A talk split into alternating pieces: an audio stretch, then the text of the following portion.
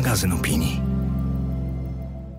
Cześć, witam Was w podcaście dziś w książce, którego bohaterką w tym odcinku będzie książka Wiek kapitalizmu inwigilacji, czyli książka amerykańskiej psycholożki społecznej, filozofki, emerytowanej profesorki Harvardu Shoshany Zubow. Wezmę więc pod lupę temat kapitalizmu inwigilacji czy też nadzoru, tego czym jest, komu służy, kogo drenuje, jaki rodzaj nierówności wprowadza i w jaką stronę nas wiedzie. Jak zawsze najpierw o tym opowiem, a później porozmawiam. Tym razem z dziennikarką ekonomiczną i technologiczną, specjalistką w tematach związanych z cyfrowością, obecnie redaktorką prowadzącą magazyn Spiders Web Plus, Sylwią Czubkowską. Dziś w książce to podcast o lekturach, które najtrafniej tłumaczą współczesny świat. Co miesiąc opowiadam i rozmawiam z gośćmi o literaturze, która posłuży nam za pretekst i soczewkę do przyglądania się teraźniejszości. Podcast powstaje we współpracy z Wrocławskim Domem Literatury i Wrocławiem, miastem literatury UNESCO. Zapraszam, Zuzanna Kowalczyk. Jest to jedenasty odcinek tego podcastu, w którym za każdym razem podejmuję jakiś inny temat i przyglądam się zupełnie różnym książkom. I mimo to mam wrażenie, że chyba nie nagrałam jeszcze dotąd ani jednego odcinka, w którym nie padłoby słowo kapitalizm. I uwierzcie, że nie jest to przejaw jakiejś mojej osobistej, antykapitalistycznej krucjaty, ale raczej jakaś ogólna diagnoza współczesnego świata który w moim odczuciu już tak mocno oparł wszelkie swoje aspekty funkcjonowania na porządku ekonomicznym, że właściwie bez rozpoznania wpływu tego porządku nie sposób mówić i myśleć o tym, gdzie i w czym żyjemy. No więc gdybym miała wskazać takie dwa kluczowe źródła dziejących się obecnie zmian, zarówno w warstwie społecznej, jak i politycznej, gospodarczej, kondycyjnej, no wszelakiej, to byłby to właśnie kapitalizm oraz rewolucja cyfrowa. I uważam, że naprawdę warto zrozumieć, co z tego wynika. Zwłaszcza, że bywa, że rozpatrujemy te kwestie rozdzielnie, choć przecież są one ze sobą bardzo mocno splecione. I na ten splot właśnie zwraca uwagę Szoszana Zubow, poszerzając pojęcie kapitalizmu do kategorii kapitalizmu inwigilacji, czyli kapitalizmu, który bardzo mocno się w tejże rewolucji cyfrowej umościł. I to właśnie na tej rewolucji opiera, czy też z niej niejako pączkują jego kolejne, nowe, współczesne formy. Kapitalizm inwigilacji to nowy porządek ekonomiczny, który uznaje ludzkie doświadczenie za darmowy surowiec do ukrytych handlowych praktyk wydobycia, prognozowania i sprzedaży. Jest to również pasożytnicza logika ekonomiczna, w której wytwarzanie towarów i usług jest podporządkowane nowej globalnej architekturze modyfikacji behawioralnych. To niegodziwa mutacja kapitalizmu, naznaczona koncentracją bogactwa, wiedzy i władzy niespotykana w historii ludzkości. Szoszana Zubow, Wiek kapitalizmu inwigilacji w przekładzie Alicji Unterszyc. O tym, na czym ta logika ekonomiczna polega i w jaki sposób jest bezprecedensowa w historii ludzkości, o tym wszystkim powiem za moment. Zacznijmy może jednak od tego, kim w ogóle jest Shoshana Zubow, a jest amerykańską psycholożką społeczną, filozofką, emerytowaną profesorką Harvard Business School i autorką. Autorką znaną w Polsce głównie z książki Wiek kapitalizmu inwigilacji, z tej prostej przyczyny, że jest to jedyna książka jak dotąd Zubow, która ukazała się po polsku. Ale napisała tych książek nieco więcej, przede wszystkim takie tytuły jak In the Age of the Smart Machine, The Future of Work and Power. I oprócz tego napisała wespół z Jamesem Maxminem taką książkę zatytułowaną The Support Economy, Why Corporations Are Failing Individuals and the Next Episode of Capitalism. No ale rzeczywiście chyba największe uznanie, popularność i taki pogłos społeczny zyskał wiek kapitalizmu inwigilacji Jest to taka książka, która rzeczywiście, gdy ją wpisać w dowolną wyszukiwarkę, to wyskoczą głównie recenzje i głosy takich najważniejszych współczesnych intelektualistów, przekonujące, że jest to najważniejsza książka współczesnych czasów, że jest to rzecz absolutnie przełomowa, taki absolutny Maastricht w świecie późnego kapitalizmu, że Zubow udało się w tej książce uchwycić coś, co długo tak naprawdę w jakimś sensie pozostawało nieuchwytne, to znaczy gdzieś tam krążyło po orbicie świadomości społecznej, głównie orbicie ściśle zainteresowanej tym tematem grupy, ale właśnie dzięki Zubow w ogóle ten temat zyskał jakieś pełniejsze rozwinięcie, dodefiniowanie, no i chyba co najważniejsze, ten swój szerszy społeczny posłuch. No i w oczywisty sposób pojawia się tu pytanie, dlaczego? To znaczy, dlaczego ta książka jest aż tak wyjątkowa i tak szeroko uznana?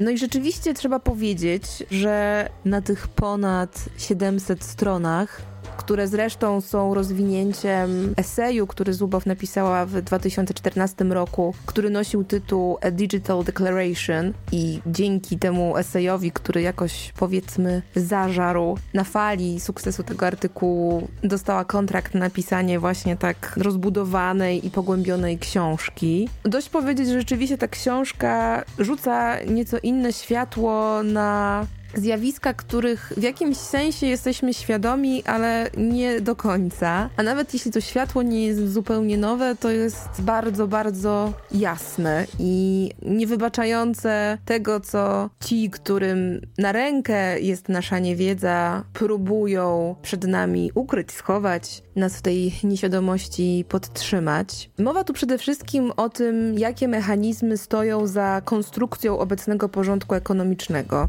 i że mechanizmy te są w dużej mierze projektowane w taki sposób, aby właśnie pozostawały możliwie niewidoczne, możliwie trwałe i ponadto wprowadzane właściwie, jak to mówi Zubow, poprzez odgórny przewrót, to znaczy narzucone nam z góry jako pozornie jedyne dostępne ścieżki, jakiś taki oczywisty kształt funkcjonowania nas w cyfrowym świecie, choć oczywiście ten kształt wcale nie jest taki oczywisty. Jest zbudowany w taki sposób, aby służył interesom architektów tego systemu, czyli przede wszystkim big techów. No i problem zaczyna się wtedy, kiedy my przestajemy sobie i tym big techom i temu systemowi zadawać ważne, krytyczne pytania.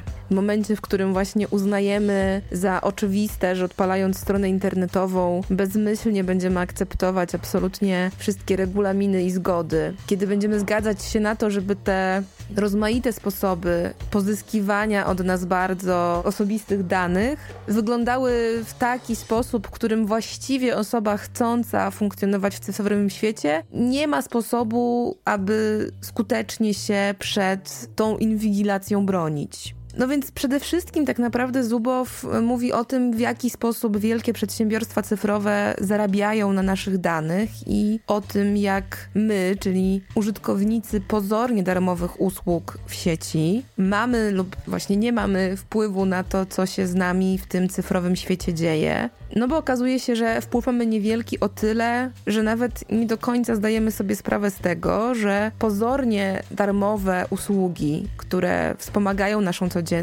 takie jak Google czy Facebook, w istocie wcale nie są darmowe, ponieważ tym kosztem, i to wcale nie małym kosztem, jaki ponosimy za korzystanie z ich narzędzi, są po pierwsze informacje o nas, a po drugie zezwolenie na to, aby w wyniku analizy tychże informacji te organizacje mogły nami coraz bardziej, coraz skuteczniej manipulować, aby w efekcie jeszcze więcej na nas zarabiać. To jest ciekawe też o tyle, że niby mamy tego wszyscy świadomość po takich aferach jak choćby słynne Cambridge Analytica, ale jednak tak naprawdę niewiele się w tym zakresie pozyskiwania naszych danych i naszej świadomości, naszej funkcji i obecności w sieci zmieniło. Oczywiście wprowadzono różne kroki i restrykcje, takie jak choćby RODO w Europie i podobne jemu rozwiązania, ale nie zmienia to faktu, że big techy, takie jak właśnie Google czy Facebook, nadal zyskują nad nami coraz większą władzę i na to zawłaszczanie, które odbywa się poza polem naszego widzenia, właśnie Zubo wrzuca zupełnie nowe, bardzo wyraźne światło. światło na to, w jaki sposób ta przejmowana władza staje się, jak to Zubow nazywa, władzą instrumentalną, władzą opierającą się na asymetrii wiedzy i władzy. W ogóle takich kluczowych pojęć, haseł z książki Zubow można wypisywać bez końca.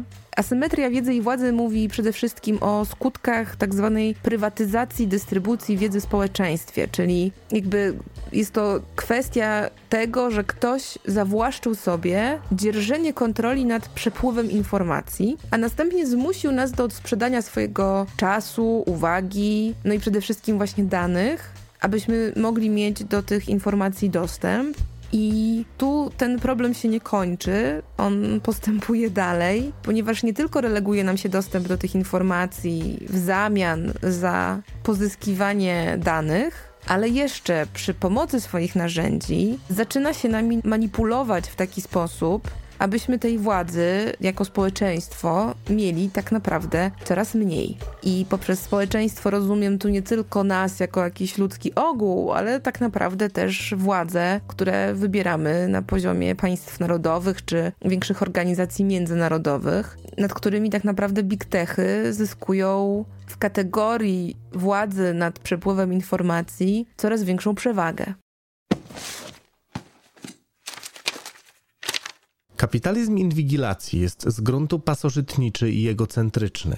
Wyciąga z szafy stare wyobrażenie Karola Marksa, kapitalizmu jako wampira, który żeruje na sile roboczej, ale z niespodziewanym zwrotem. Dla kapitalizmu nadzoru źródłem zysku nie jest już wykorzystywanie pracy ludzi, jest nim monetyzacja każdego aspektu doświadczenia każdego człowieka. Produkty i usługi kapitalizmu inwigilacji nie są środkami wymiany wartości. Nie ustanawiają między producentem a konsumentem konstruktywnych relacji wzajemności. W miejsce tych relacji otrzymujemy haczyki, które wabią użytkowników do przystąpienia do własnej eksploatacji, w wyniku której nasze osobiste doświadczenia zostają zmagazynowane i przepakowane jako środek do realizacji celów innych osób. Nie jesteśmy klientami kapitalizmu inwigilacji. Jesteśmy źródłami kluczowej nadwyżki kapitalizmu inwigilacji, obiektami zaawansowanej technologicznie i coraz bardziej nieuniknionej eksploatacji surowców. Rzeczywistymi klientami kapitalizmu inwigilacji są przedsiębiorstwa, które handlują na jego rynkach przyszłych zachowań. Szoszana Zubow, Wiek kapitalizmu inwigilacji w przekładzie Alicji Unterszyc. Bardzo ważną konstatacją Zubow jest właśnie to zwrócenie uwagi na to, że absolutnie każdy wymiar naszego doświadczenia zostaje w tym kapitalizmie inwigilacji poddany monetyzacji i manipulacji. I konsekwencje tego stanu rzeczy, zdaniem Zubow, są porównywalne do szkód, jakie wyczyniła planecie rewolucja przemysłowa. Z tym, że w przypadku rewolucji cyfrowej i kapitalizmu nadzoru, główną ofiarą jest, zdaniem Zubow, jakkolwiek to nie brzmi, nasze człowieczeństwo, ponieważ w ten sposób odbiera się nam wolną wolę, odbiera się nam sprawczość, uważność, ostatecznie gdzieś na końcu drogi również w pewnym sensie wolność. I w tym również wymiarze, zdaniem Zubow, władza instrumentalna, która kieruje tym kapitalizmem inwigilacji, która jest władzą właśnie dlatego, że wie i że może z tej wiedzy korzystać na rzecz wpływania na nasze wybory, w tym sensie władza instrumentalna jest władzą wybitnie antydemokratyczną, bo ma właśnie nie tylko akumulować władzę w rękach garstki, ale jeszcze tłumić społeczny opór, czy też jakieś w ogóle przejawy myślenia w inny sposób, jakiś włamujący się spod tej logiki rynkowej, logiki, która ma nas cały czas wrzucać w wir monetyzowania wszelkich doświadczeń, poprzez właśnie przewidywanie naszych zachowań i wpływanie na nie.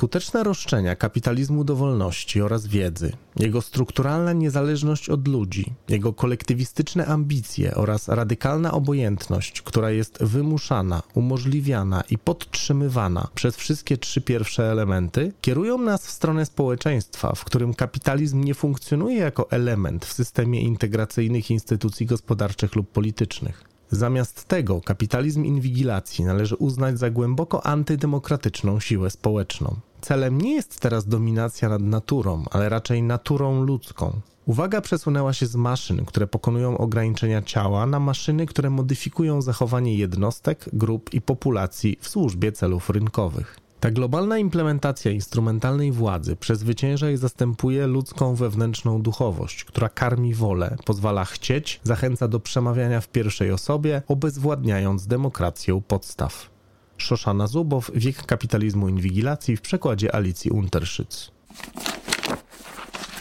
Naprawdę uważam, że czytając Zubow można się nie na żarty przerazić i łapać raz po raz za głowę i uznać, że no już właściwie znaleźliśmy się w Matrixie. I właśnie dlatego postanowiłam porozmawiać o tej książce ze specjalistką w zakresie wpływu cyfrowości na nasze życie, wieloletnią, wielokrotnie nominowaną do Grand Pressa i innych nagród dziennikarką ekonomiczną i technologiczną, która publikowała, publikuje w takich tytułach jak Gazeta Wyborcza, Dziennik Gazeta Prawna czy Tygodnik Przekrój. Czterokrotną laureatką nagród prezesa Urzędu Patentowego za teksty na temat innowacji i wynalazków obecnie redaktorką prowadzącą magazyn Spiders Web Plus, Sylwią Czubkowską. Wraz z Sylwią porozmawiałyśmy o tym przede wszystkim, jakie są takie największe pułapki przesadnego technooptymizmu, w jakie możemy wpadać. Co możemy zrobić, aby się bronić przed tym kapitalizmem inwigilacji? W jaki sposób w ogóle możemy próbować, czy to w ogóle jest możliwe, przebudować ten obecny system ekonomiczny? No i jaka czeka nas przyszłość, jeśli nie podejmiemy tu i teraz jakichś stosownych działań? Posłuchajcie.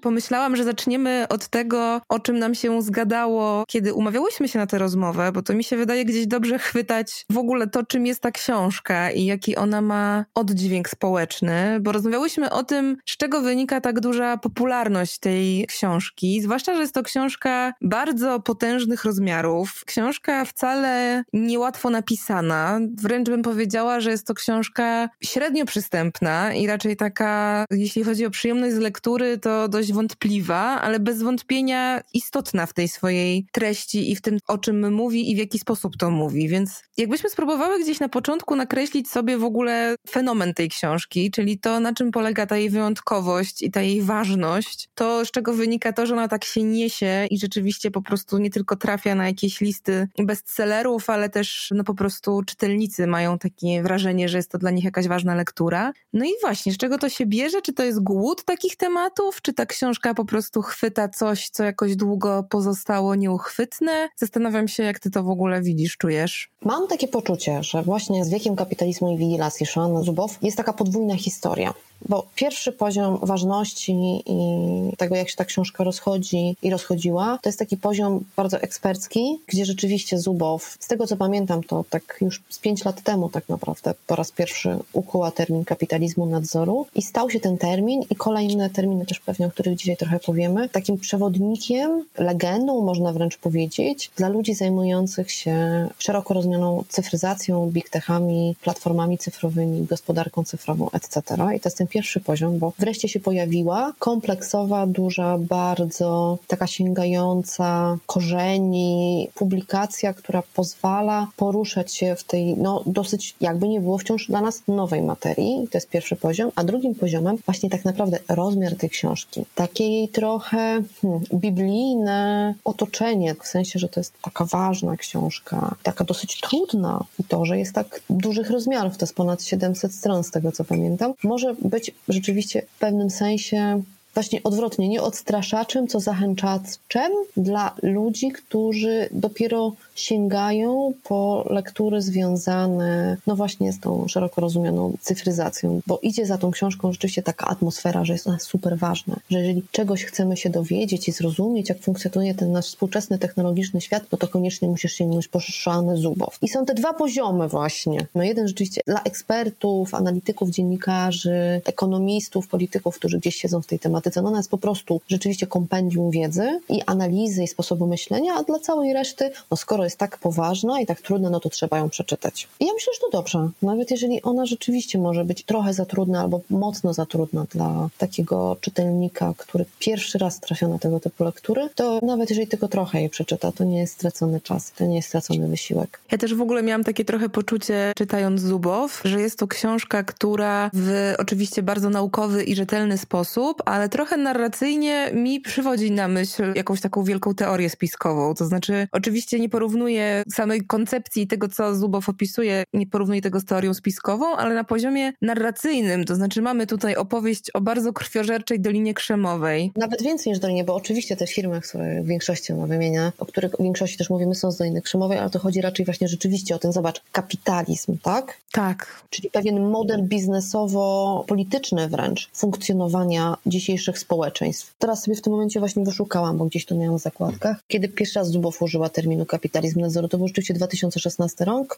W Frankfurter Allgemeine Zeitung w tekście go użyła. I myślę, że cytat z tego, co ona wtedy, te 5 lat temu już pisała, bardzo nam dużo mówi o tej, właśnie tak jak mówisz, nie do końca teorii spiskowej, ale takim, hmm, my ci wytłumaczymy, w czym żyjesz. My ci teraz rozświetlimy, o co w tym wszystkim chodzi. Naświetlamy Matrix. Dokładnie tak. I Zubow te 5 lat temu pisała tak. Gra nie polega już na tym, żeby przesłać ci katalog reklamowy albo wyświetlić sprofilowaną pod ciebie reklamę. Gra polega na sprzedaży transmisji w czasie rzeczywistym twojego codziennego życia, twojej rzeczywistości, tak żeby bezpośrednio modyfikować twoje zachowanie dla zysków. Kontrola ze strony rządu jest niczym w porównaniu z tym, co robi Google. Firma tworzy nową, systemową i spójną logikę akumulacji, którą powinniśmy nazwać kapitalizmem nadzoru. I to jest strasznie ważne, bo znowuż tutaj sięgamy do tych dwóch poziomów. Ludziom siedzącym w tej tematyce wreszcie dało nazwę, jakiś termin, którym możemy operować, a którego strasznie brakowało, a całej reszcie nas, użytkowników, czytelników, zaczyna tłumaczyć, aha, to to się dzieje w stosunku do nas. Rzeczywiście, to już nie jest tylko reklama, która jest tam gdzieś targetowana pod nasze behawioralne zachowania. My jesteśmy w pewien sposób jakby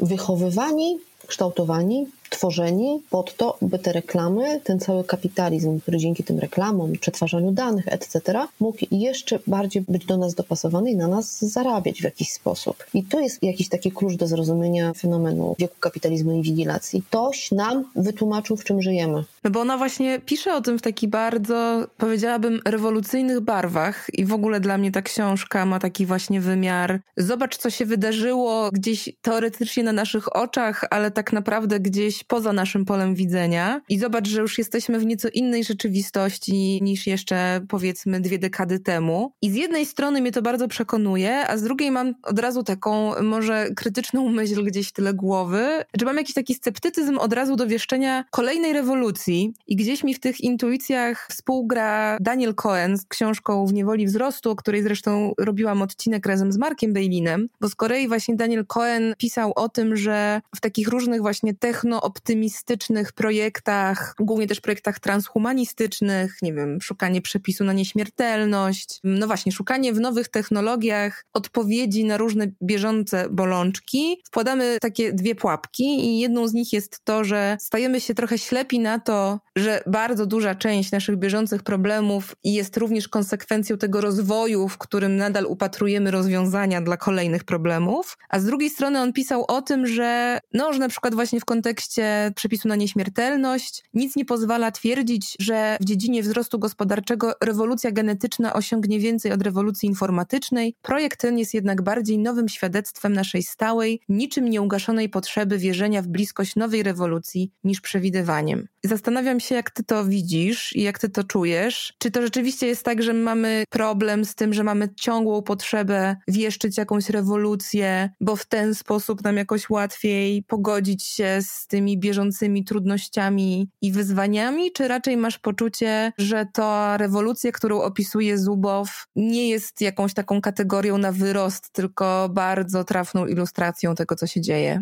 Hmm czy rewolucja. Ja mam jeszcze troszkę inne poczucie. My w ogóle mamy taką potrzebę zmiany, takiego wiecznego rozwoju, progresu. To trochę jak w Alicji w Krainie Czarów było w którymś momencie. Biegnij, biegnij, biegnij, bo jak się zatrzymasz, to nagle świat cię ominie. Takie bieganie w kółko. I to jest bardzo charakterystyczne i dla kapitalizmu jako takiego, który jest mega oparty właśnie na kwestiach rozwojowych, wzrostów, ale też i na naszych ostatnich 150, czy tam zależy jak liczyć, na powiedzmy 150 latach przyspieszonej rewolucji technologicznej albo 50-70 latach rewolucji, no i znowu mówimy rewolucji, ale jakby nie było, cyfrowej, komputerowej, że my ciągle potrzebujemy przekraczać pewne granice. Zobacz, coraz mniejsze komputery, coraz mniejsze mikroprocesory, coraz szybsze samochody, coraz bardziej zautomatyzowany sprzęt i tak dalej, i tak dalej. Przecież ten smartfon, którego dzisiaj używamy, już jest tak doskonałym narzędziem, a cały czas szukamy innych. A może, żeby się ten ekran był gięty, a może zamykany, a tu 5 milionów kolorów, chociaż ludzkie oko to w którymś momencie naprawdę nie jest w stanie bardziej rozróżnić. Więc ta potrzeba wzrostu jest też oczywiście pułapką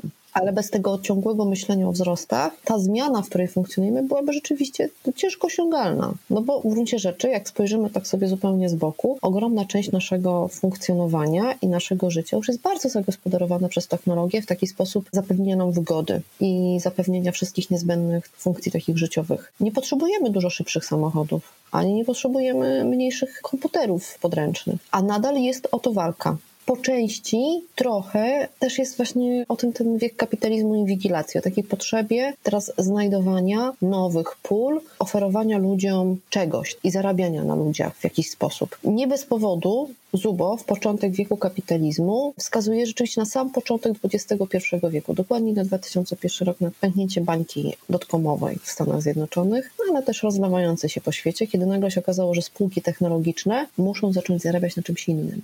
I to muszą zacząć zarabiać szybko, bo tego chcą inwestorzy. Inwestorzy chcą szybkich, ogromnych, robiących wrażenie wzrostów, bo inaczej giełda nie bardzo i zaczyna pękać. I w tym momencie Google odkrył, na czym może zarabiać. Już nie na byciu przeglądarką jako taką, tylko na danych, jakie ludzie zostawiają w przeglądarce, a potem w kolejnych usługach. I dzięki temu te wzrosty są ogromne, to jakieś tysiące procent w ciągu kilku lat osiągnięte. Nie, niewyobrażalne wcześniej. No widzimy to teraz po największych spółkach amerykańskich, technologicznych. Żeby nie skłamać, Apple pierwszy bilion dolarów wyceny osiągnął w 2018 bodajże.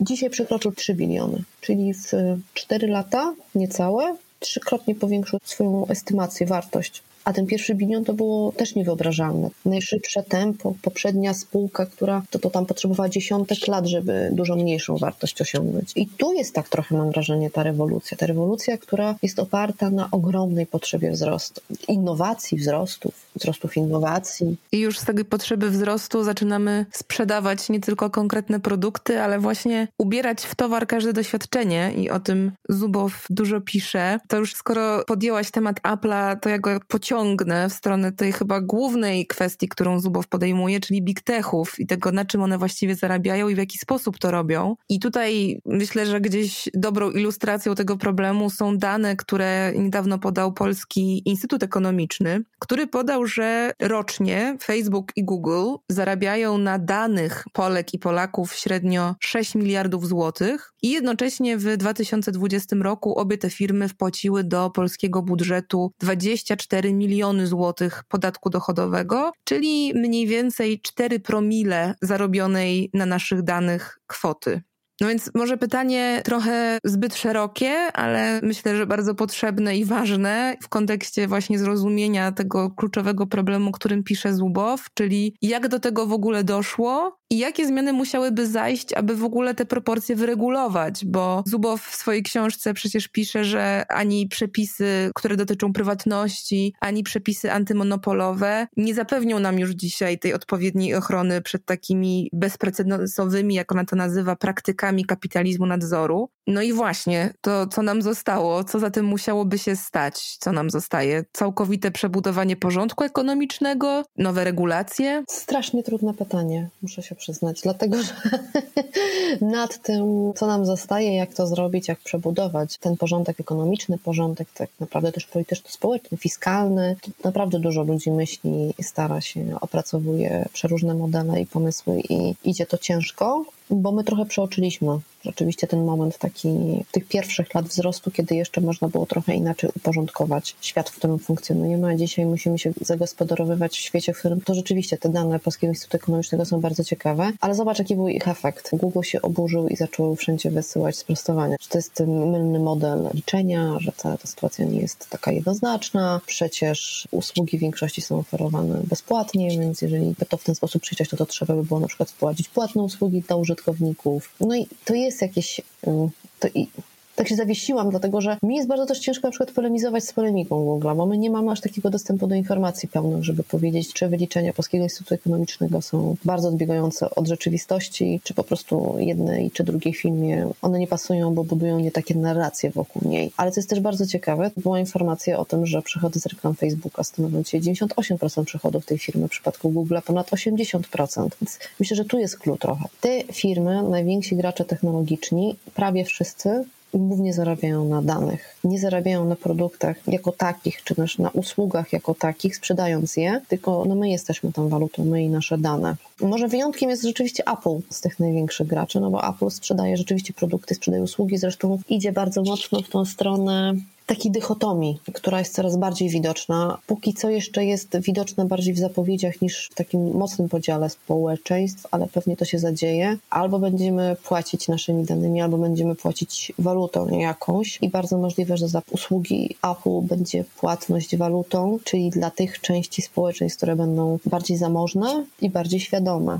W zamian będzie większa ochrona ich prywatności, ich danych, które nie będą aż tak bardzo wykorzystywane w jakichś procesach zarobkowych, ale też nie do końca. No nie oszukujmy się. Żadna firma, która ma dostęp do ogromnej bazy informacji o swoich klientach, nie zrezygnuje z niej, no bo dzięki niej może faktycznie tworzyć takie produkty, takie usługi, które będą właśnie nas wkręcały w ten cały mechanizm, że to nie jest tylko targetowana reklama dobrana do tego, gdzie ty tam mieszkasz, jakiej jesteś płci, tylko ona będzie cię podbijała, podkręcała pod pewne decyzje zakupowe, polityczne, społeczne. Rzuć dowolnym tematem, ja powiem, że tak, będzie pokręcała w tą stronę. Tak, to jest to, co Zubow też nazywa tą asymetrią wiedzy i władzy, czyli że to nie jest już tylko o tym, że te big techy o nas tak dużo wiedzą, ale też poprzez tę wiedzę są w stanie nami manipulować. Więc wydaje mi się, że właśnie tak jak powiedziałaś, być może moglibyśmy się kłócić o konkretne liczby i metodę liczenia, odprowadzania podatków i tak dalej, ale to, z czym chyba się nie możemy kłócić, to jest sam mechanizm, który za tym stoi, czyli coś, o czym Zubow pisze i co dla mnie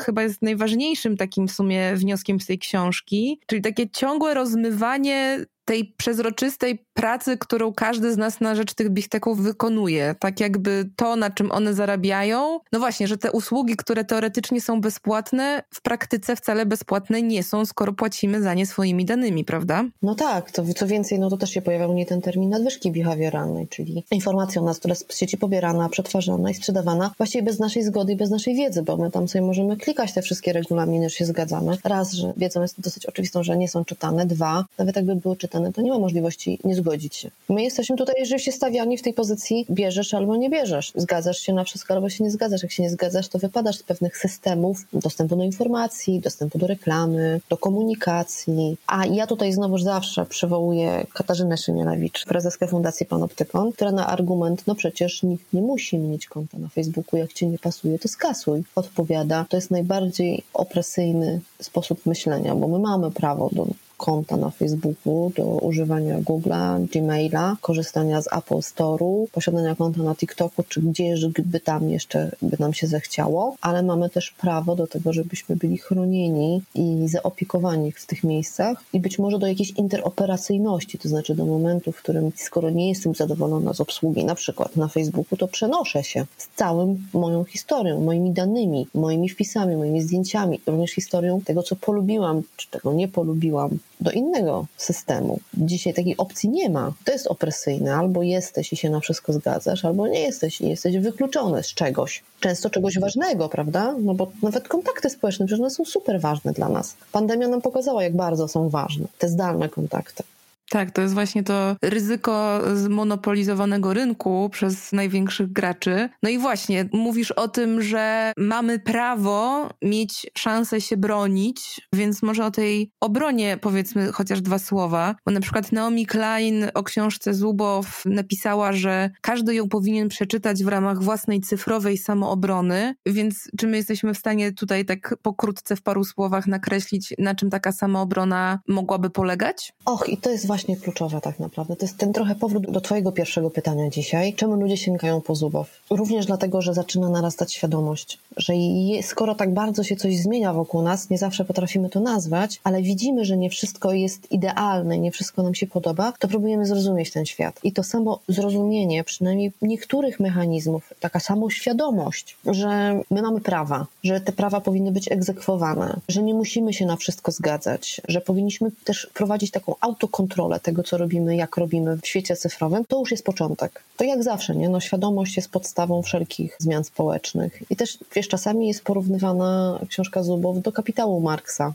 I trochę jest tutaj też tego, tak? Świadomość mas.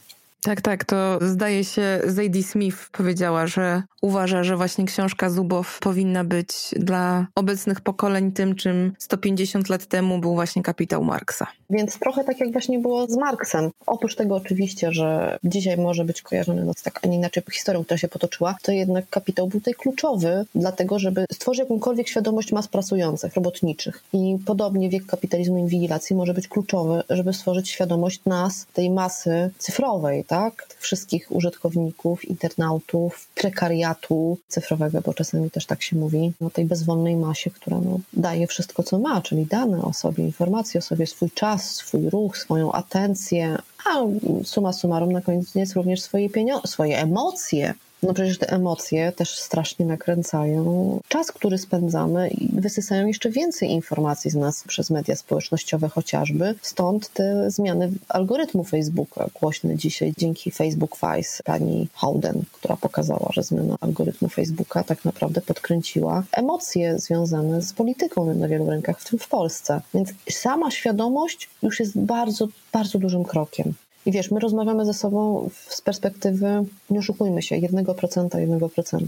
W sensie niezarobkowym, niestety. Świadomościowym. To, że się zaczyna budzić szersze zainteresowanie tymi zagadnieniami, to jest w ogóle samo w sobie fenomenalna sprawa. Dlatego ja kiedyś nawet tak dyskutowałam z paroma dziennikarzami, analitykami o tym, że ja bym chciała, żeby fragmenty kapitalizmu i inwigilacji były lekturą szkolną. Całość nie, bo rzeczywiście myślę, że tam licealiści zamarli nad tą książką, ale fragmenty tak. I chętnie bym podmieniła połowę lektur z okresu pozytywizmu i romantyzmu na rzecz tej książki. Właściwie bez tej książki ciężko w ogóle zrozumieć rzeczywiście sposób funkcjonowania naszej obecnej teraźniejszości cyfrowej i tą cyfrowością mocno naznaczonej. Tym bardziej, że zobacz, te dzisiejsze pokolenie, w sensie Zetki i Alfy, urodzone na początku XXI wieku, czy już w erze mobilnej, w erze smartfonów, one nie znają świata sprzed, więc to im się wydaje bardzo naturalne. Nie chciałabym tu zabrzmieć jak taki, wiesz, ten stary boomer, że nie znają życia i w ogóle tam się nie bawiły na podwórkach, bo to nie ma żadnego znaczenia. Nie znają świata, w którym rzeczywiście inaczej człowiek jest traktowany przez biznes. Ten taki biznes około technologiczny, gdzie to o nas trzeba było się bardziej starać, a nie jesteśmy, nie oddajemy się tak łatwo z całym tym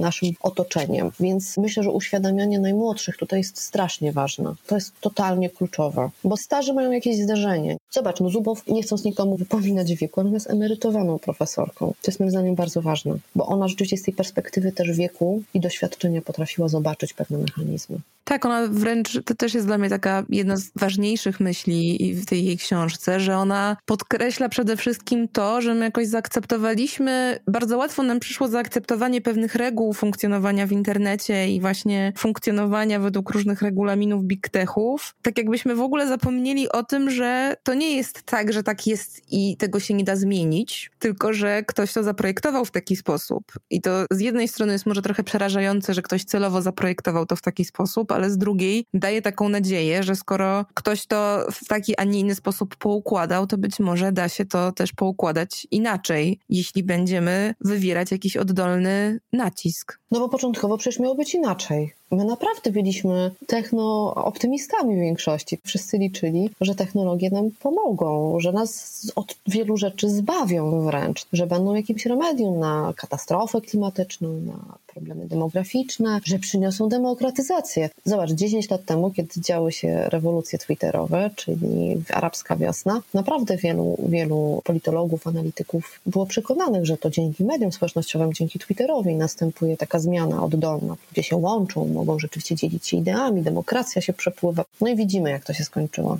No nijak, wręcz przeciwnie. Raczej nam media społecznościowe podkręcają emocje właśnie, powodują te ścierające się plemiona, zdarzają się coraz mocniej. Mamy ogromny problem z prywatną cenzurą, czyli no z tym, że platformy cyfrowe wprowadzają taką prywatyzację prawa i są sędziami, policjantami, wykonawcami wyroku naraz, banując chociażby. Nie dają sobie równolegle rady z dezinformacją wcale i z mową nienawiści, która no, ma bardzo realne efekty. Od puczu czy też ataku na Kapitol na początku 2000 2021 roku po masakrę Rohingjów w Birmie.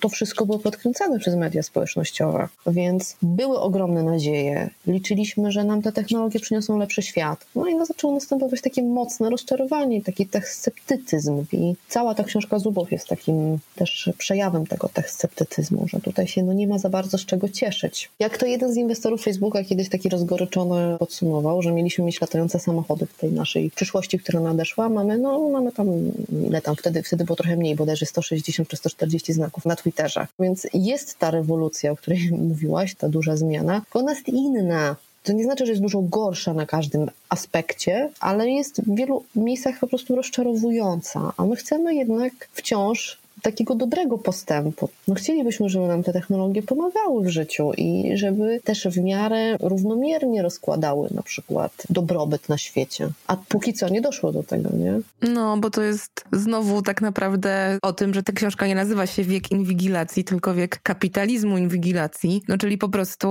wszelkie kwestie, które powinniśmy omawiać na jakichś takich szczeblach ekspercko-państwowych i międzynarodowych, no dzisiaj należą do sfery prywatnej i to prywatne przedsiębiorstwa narzucają nam reguły gry, które no niestety są raczej dyktowane chęcią ich zysku, a nie jakimiś głębszymi założeniami, strategiami polityczno-społecznymi. No i zdaje się, że właśnie jeśli chodzi o to, w jaki sposób te dane są istotne i co się w tym kontekście dzieje z demokracją, którą nowe technologie miały wspierać, a tymczasem różnie to bywa, powiedzmy tak bardzo oględnie, że z tym współgraniem nowych technologii demokracji sprawa jest dość skomplikowana.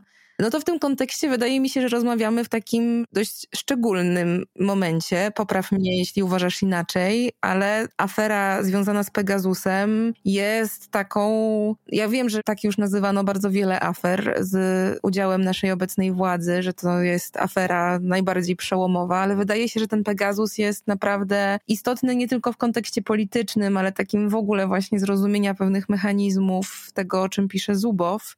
No i chciałam Cię zapytać o to, jakbyśmy może spróbowały właśnie może na podstawie tej sprawy związanej z Pegasusem jakoś tak zarysować to, o czym pisze Zubow, czyli ta różnica pomiędzy władzą instrumentalną a taką tradycyjną władzą totalitarną. Bo wydaje się, że gdzieś właśnie ten stopień zagrożenia dla demokracji i dla praw człowieka jest w tym podziale dość istotny. I tutaj wiesz co, mam wrażenie, że to jest największa słabość książki Zubow w sensie ona poświęciła tak dużo miejsca na analizowanie właśnie tego kapitalizmu inwigilacji, który wychodzi głównie z big techów, z firm prywatnych, że gdzieś przeoczyła ochoczy współudział państw szeroko rozumianych. Ona rzeczywiście identyfikuje ten problem nie technologicznie, tylko ekonomicznie, ale wątek polityczny jej umknął. Ja rozumiem, dlaczego jej nawet umknął, dlatego że rzeczywiście w dużej mierze skupiła się na Stanach Zjednoczonych, pisała tą książkę kilka lat temu. Owszem, już po na przykład Edwardzie Snowdenie i tym, co Edward Snowden pokazał nam, jeżeli chodzi o współpracę też wielkich spółek technologicznych z rządem amerykańskim.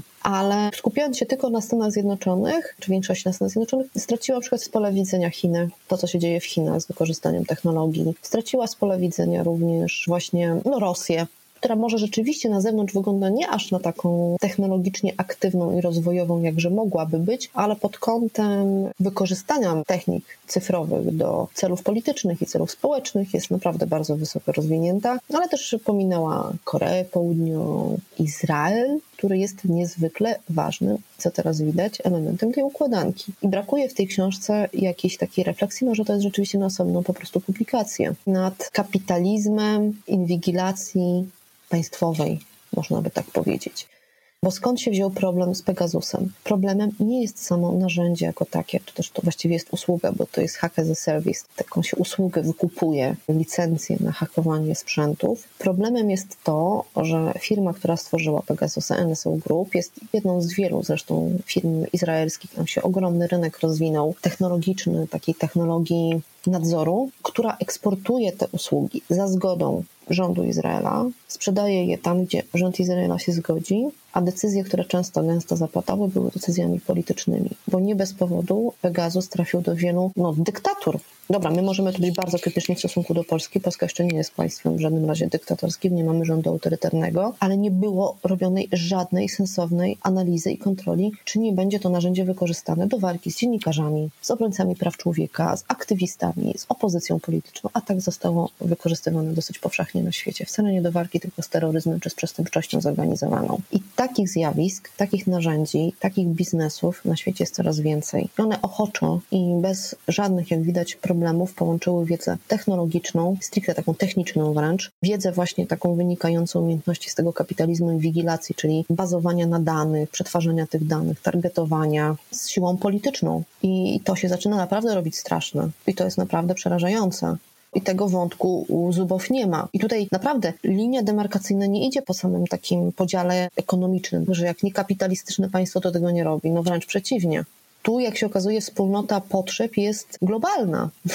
I może sobie być Polska w miejscu obok, nie wiem, Salwadoru czy Meksyku, Węgier. Nic nas nie dzieli, jeżeli tylko jest ochota, pieniądze i technologie dostępne. Tak, Zubow idzie wręcz kawałek dalej, prawda? Bo ona rzeczywiście pomija trochę ten wątek polityczny, ale pisze na przykład coś takiego, że tak jak cywilizacja przemysłowa kwitła żerując na przyrodzie, a teraz zagraża całej Ziemi, tak cywilizacja informacyjna kształtowana przez kapitalizm inwigilacji i jego nową instrumentalną władzę będzie rozwijać się kosztem ludzkiej natury, by ostatecznie zagrozić utratą człowieczeństwa. Czyli ona w ogóle, mam poczucie, wskazuje na jeszcze jakby dalszy plan i dalszy krok, najgorszy jakby możliwy scenariusz, który może być konsekwencją tych obecnych mechanizmów kapitalizmu inwigilacji, czyli coś, co ona nazywa wręcz utratą człowieczeństwa. Czy ty jakieś masz tu intuicję, na czym dokładnie ta utrata człowieczeństwa w kontekście wpływu tych mechanizmów mogłaby polegać? To jest to, o czym ona pisze, że tam źródłem zysku w tym kapitalizmie nadzoru już nie jest wykorzystywanie nas jako naszej pracy, tylko monetyzacja każdego aspektu, każdego doświadczenia, każdego człowieka. Czyli całe nasze życie, wszystkie nasze decyzje, wszystkie nasze ruchy stają się elementem właśnie tego globalnego, wysysającego wszystko systemu kapitalistycznego. To jest takie trochę cyberpunkowe, nie? Wspominałeś dzisiaj Matrix. No to jest taki trochę Matrix, ale bez tej alegorii, że jesteśmy wysysani gdzieś przez maszynę i sobie żyjemy w jakimś takim wyimaginowanym, sztucznym świecie, tak? Po prostu na to pozwalamy na co dzień. I to jest to odczłowieczenie. Zresztą, wiesz, no, tych refleksji nad odczłowieczeniem technologii, nad zagrożeniami, które płyną ze sztucznej inteligencji, z algorytmów, które mogą się okazywać, albo tak niedoskonałe, jak są ludzie, no bo jednak ludzie algorytmy tworzą i je projektują, albo wręcz złośliwe, jak ludzie potrafią być i pewne rzeczy nam przestawiać do góry nogami, no to tych takich obaw, takich refleksji jest bardzo dużo. Ja nie wiem, czy już powinniśmy się tego aż tak bardzo bać, to znaczy tej takiej dehumanizacji. Myślę, że jesteśmy jeszcze naprawdę w dobrym momencie, kiedy czujemy, co jest ludzkie, co jest nam bliskie, co jest taką immanentną częścią człowieczeństwa, a co jest takim oderwaniem no na pewno toczy się jakaś taka walka o naszą wolną wolę, nie? I o prawo do czasu, i o to, czym jest kreatywność, ale jeszcze nie mam takiego poczucia, że jest pod tym kątem tak źle. Ona zresztą też zadaje takie pytanie, które moim zdaniem uchyla taką furtkę dla innych scenariuszy, czyli innych domysłów. Znaczy jest taki punkt w tej książce, gdzie ona się zastanawia, to zacytuję może będzie najprościej, czy kapitalizm inwigilacji będzie dalej podążał swoją obecną trajektorią, by zyskać status dominującej logiki gromadzenia dóbr naszego wieku, czy też w dłuższej perspektywie rozwoju kapitalizmu okaże się pradawnym ptakiem z zębami, przerażającym, ale ostatecznie skazanym na wymarcie. Jeśli ma zniknąć, co będzie przyczyną jego zagłady, co musi zawierać skuteczna szczepionka. No i teraz właśnie zastanawiam się, co musi zawierać skuteczna szczepionka. Że skoro mamy jeszcze się nie przejmować utratą człowieczeństwa, ale słusznie powinniśmy w tym technosceptycyzmie dostrzec te wszystkie czerwone flagi, które nas otaczają zewsząd, to co jest tym pierwszym krokiem? Sama świadomość, czy jakieś konkretne działanie, które powinniśmy wywierać na big techach? Jakbyśmy tak spróbowały podsumować to, o czym powiedziałyśmy jakimś takim konkretem, to co możemy zrobić tu i teraz? W jaką stronę powinniśmy przejść, żeby ten kapitalizm inwigilacji nie postępował? Strasznie zawiesiłam, bo to, to jest bardzo trudne pytanie. Ja myślę, że tu znowuż trzeba sobie trochę podzielić, co my możemy jako ja dzisiaj, taka konkretna osoba, Sylwia Czubkowska, co ja mogę zrobić i co możemy my zrobić jako społeczeństwo, czy też społeczeństwa. Na poziomie najniższym, oprócz tej samoświadomości, o której dzisiaj mówiłyśmy, to też jej rozszerzanie na innych. Ja na przykład jestem, nie ukrywam, bardzo dumna, że kilka dni temu mój młodszy brat, i to tak sporo młodszy, już nie powiem ile, ale sporo, kilkanaście lat, zagadał mnie właśnie a propos wieku kapitalizmu i inwigilacji, czy to jest dobra książka, bo on sobie ją właśnie zamówił. Byłam mega dumna, że chłopak, który nie ma nic wspólnego z, no, z tą tematyką, sięga po taką książkę, co pokazuje, że to się może rozszerzać. Jest potrzeba właśnie zwiększania wiedzy, a za zwiększaniem wiedzy naprawdę idą różne decyzje. To mogą być decyzje o jakimś takim wprowadzeniu zdrowej diety cyfrowej, kontrolowaniu tego, co robimy, no i nawet jeżeli nie uważnym czytaniu regulaminów, to jednak kontrolowaniu na przykład cookiesów chociażby, niewyrażaniu zgody na wszystko, co się da automatycznie, próbie zhakowania algorytmów samodzielnej, czyli nie lajkowania jak leci, tylko rzeczywiście głębokiego zastanowienia. Ja na przykład rok temu rozmawiałam z Łoną, czyli polskim raperem, legendarną postacią na rynku muzycznym. Rozmawialiśmy o Spotify i o tym, jak on korzysta, czy właściwie nie korzysta ze Spotify. Nie dlatego, że ma jakąś awersję do tej konkretnej usługi, tylko dlatego, że jego własną decyzją jest to, że on szuka muzyki w inny sposób i nie chce być bezwolnym właśnie takim klientem algorytmu, który mu będzie podsuwał i mówił, co on tam na pewno lubi i co mu się spodoba. Ta świadomość może narastać na różnych poziomach i nawet jak jest jednostkowa, to jest bardzo cenna, no bo jest szansa, że się będzie rozlewała. A co możemy zrobić jako społeczeństwo? Nie pozwalać politykom, nie pozwalać przedstawicielom tego kapitalizmu, czyli mniejszych, większych korporacji technologicznych, by wprowadzali w nasz sposób myślenia najbardziej proste, banalne narracje. One są różne. To może być narracja taką, jaką teraz obserwujemy wokół blokady Konfederacji. Dlaczego Facebook zbanował Konfederację? Bo nie lubi prawicy. Warto by się zastanowić, czy na pewno, ale z drugiej też strony, och, jak cudownie, że ten Facebook zbanował Konfederację, wreszcie nie będzie tych szurów od antyszczepów, tak w cudzysłowie mówię, bo staram się nie posługiwać takim słownictwem na co dzień, ale wreszcie nie będzie tych szurów od antyszczepów na Facebooku i będzie lepiej. Hmm, czy na pewno? Po prostu zadawajmy sobie pytania, czy na pewno? Czy na pewno jest takie łatwe rozwiązanie? Jak nam e, mówią politycy, że się nie da nałożyć podatku cyfrowego? Czy na pewno? Dlaczego się nie da? Kto o tym decyduje? Skoro ma o tym decydować Komisja Europejska lub tam OECD, to czemu tak długo trwa? Gdzie jest ten podatek cyfrowy? I to są rzeczy, które są ważne. Żebyśmy zaczęli podważać najprostsze opinie i najgłośniejsze narracje dotyczące właśnie tego kapitalizmu, inwigilacji wokół nas. To nie chodzi o to, żeby wiecznie rozbudzać w sobie tam teorie spiskowe, tylko szukać informacji, dowiadywać się, rozwijać się w tym wszystkim. No bo tak jak przy każdym tak naprawdę dużych zmianach, które nas gdzieś otaczają, otaczały w ostatnich tam stuleciach, no wiedza jest kluczowa. Im bardziej świadome społeczeństwo, tym jakoś łagodniej może przechodzić te zmiany.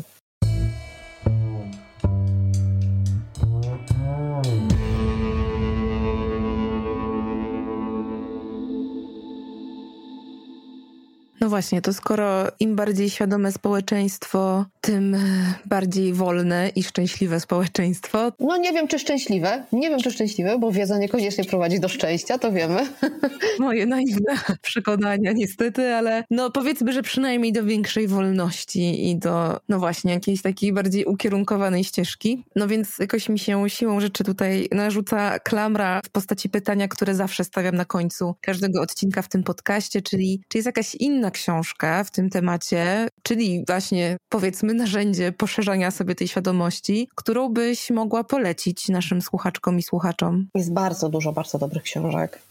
I naprawdę to też pokazuje, że jest trochę lepiej niż może nam się wydawać, bo bardzo dużo i analityków, i dziennikarzy, i ekspertów, ekonomistów rozpisuje się, analizuje, bada, śledzi. Nie tylko tak teoretycznie, tak jak w przypadku Zubow, to co się dzieje, ale na przykład są świetne reportaże dotyczące kolejnych big techów, tak? E, one są świetne do przeczytania, czyta się je z wypiekami na twarzy i też bardzo dużo mówią, nie tylko o danej firmie, ale też właśnie o zmianach, które wokół nas zachodzą. Ja bym chciała polecić właściwie dwie książki. Jedną właśnie, która jest o konkretnej firmie, a drugą trochę obok. Trochę o tym, o czym zaczęłyśmy mówić pod koniec, czyli o tym państwowym też wpływie, udziale. Nie do końca może będącą przedłużeniem Zubow, ale myślę, że bardzo ważną taką świadomościowo dla ludzi. No więc co do reportażu, który bardzo dużo mówi, który jest niezwykle dobrze napisany, to jest Uber walka o Majka Izaaka. Czyta się świetnie, jest też grube, prawie tak grube jak Zubow, ale dużo łatwiejsze, przystępniejsze w odbiorze i mówi więcej niż o samym Uberze, bo mówi rzeczywiście o uberyzacji pracy. Bo na przykład o Uberze w ogóle nie ma o Zubow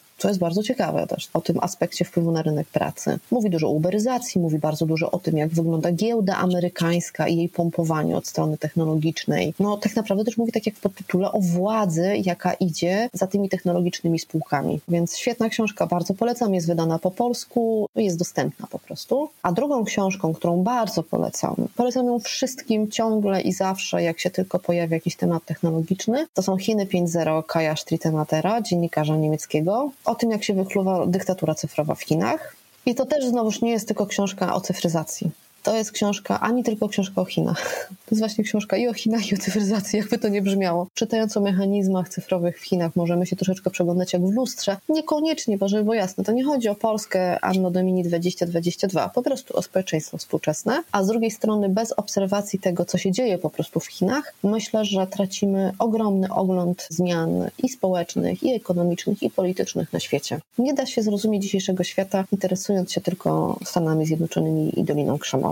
Myślę, że to jest bardzo dobra puenta do naszej rozmowy. Pięknie Ci dziękuję za bardzo ciekawą rozmowę i tak, polecamy dużo lektur, bo chyba są jedyną odpowiedzią właściwą na poziom skomplikowania i właśnie te asymetrie władzy i wiedzy, o której Zubow pisze, więc Polecamy czytać dużo i bardzo Ci dziękuję. I ja bardzo dziękuję. I też polecam Zubow. Nawet jeżeli jest problem z przeczytaniem całej, to i fragmenty wybrane też dadzą dobry background do tego, żeby mieć ten lepszy instrumentariusz taki posługiwania się współczesnym światem.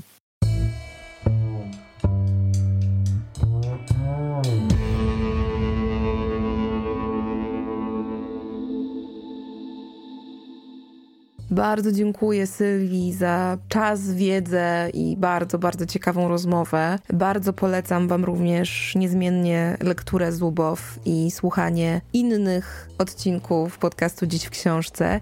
Dzięki, że dosłuchaliście tego odcinka do końca. Wcześniejsze i kolejne odcinki znajdziecie oczywiście na kanale podcastowym Pismo do Słuchania, na platformach Spotify, Apple Podcast, Google Podcast i SoundCloud oraz na kanale Radioproza i YouTube Wrocławskiego Domu Literatury. Dzięki i do usłyszenia za miesiąc.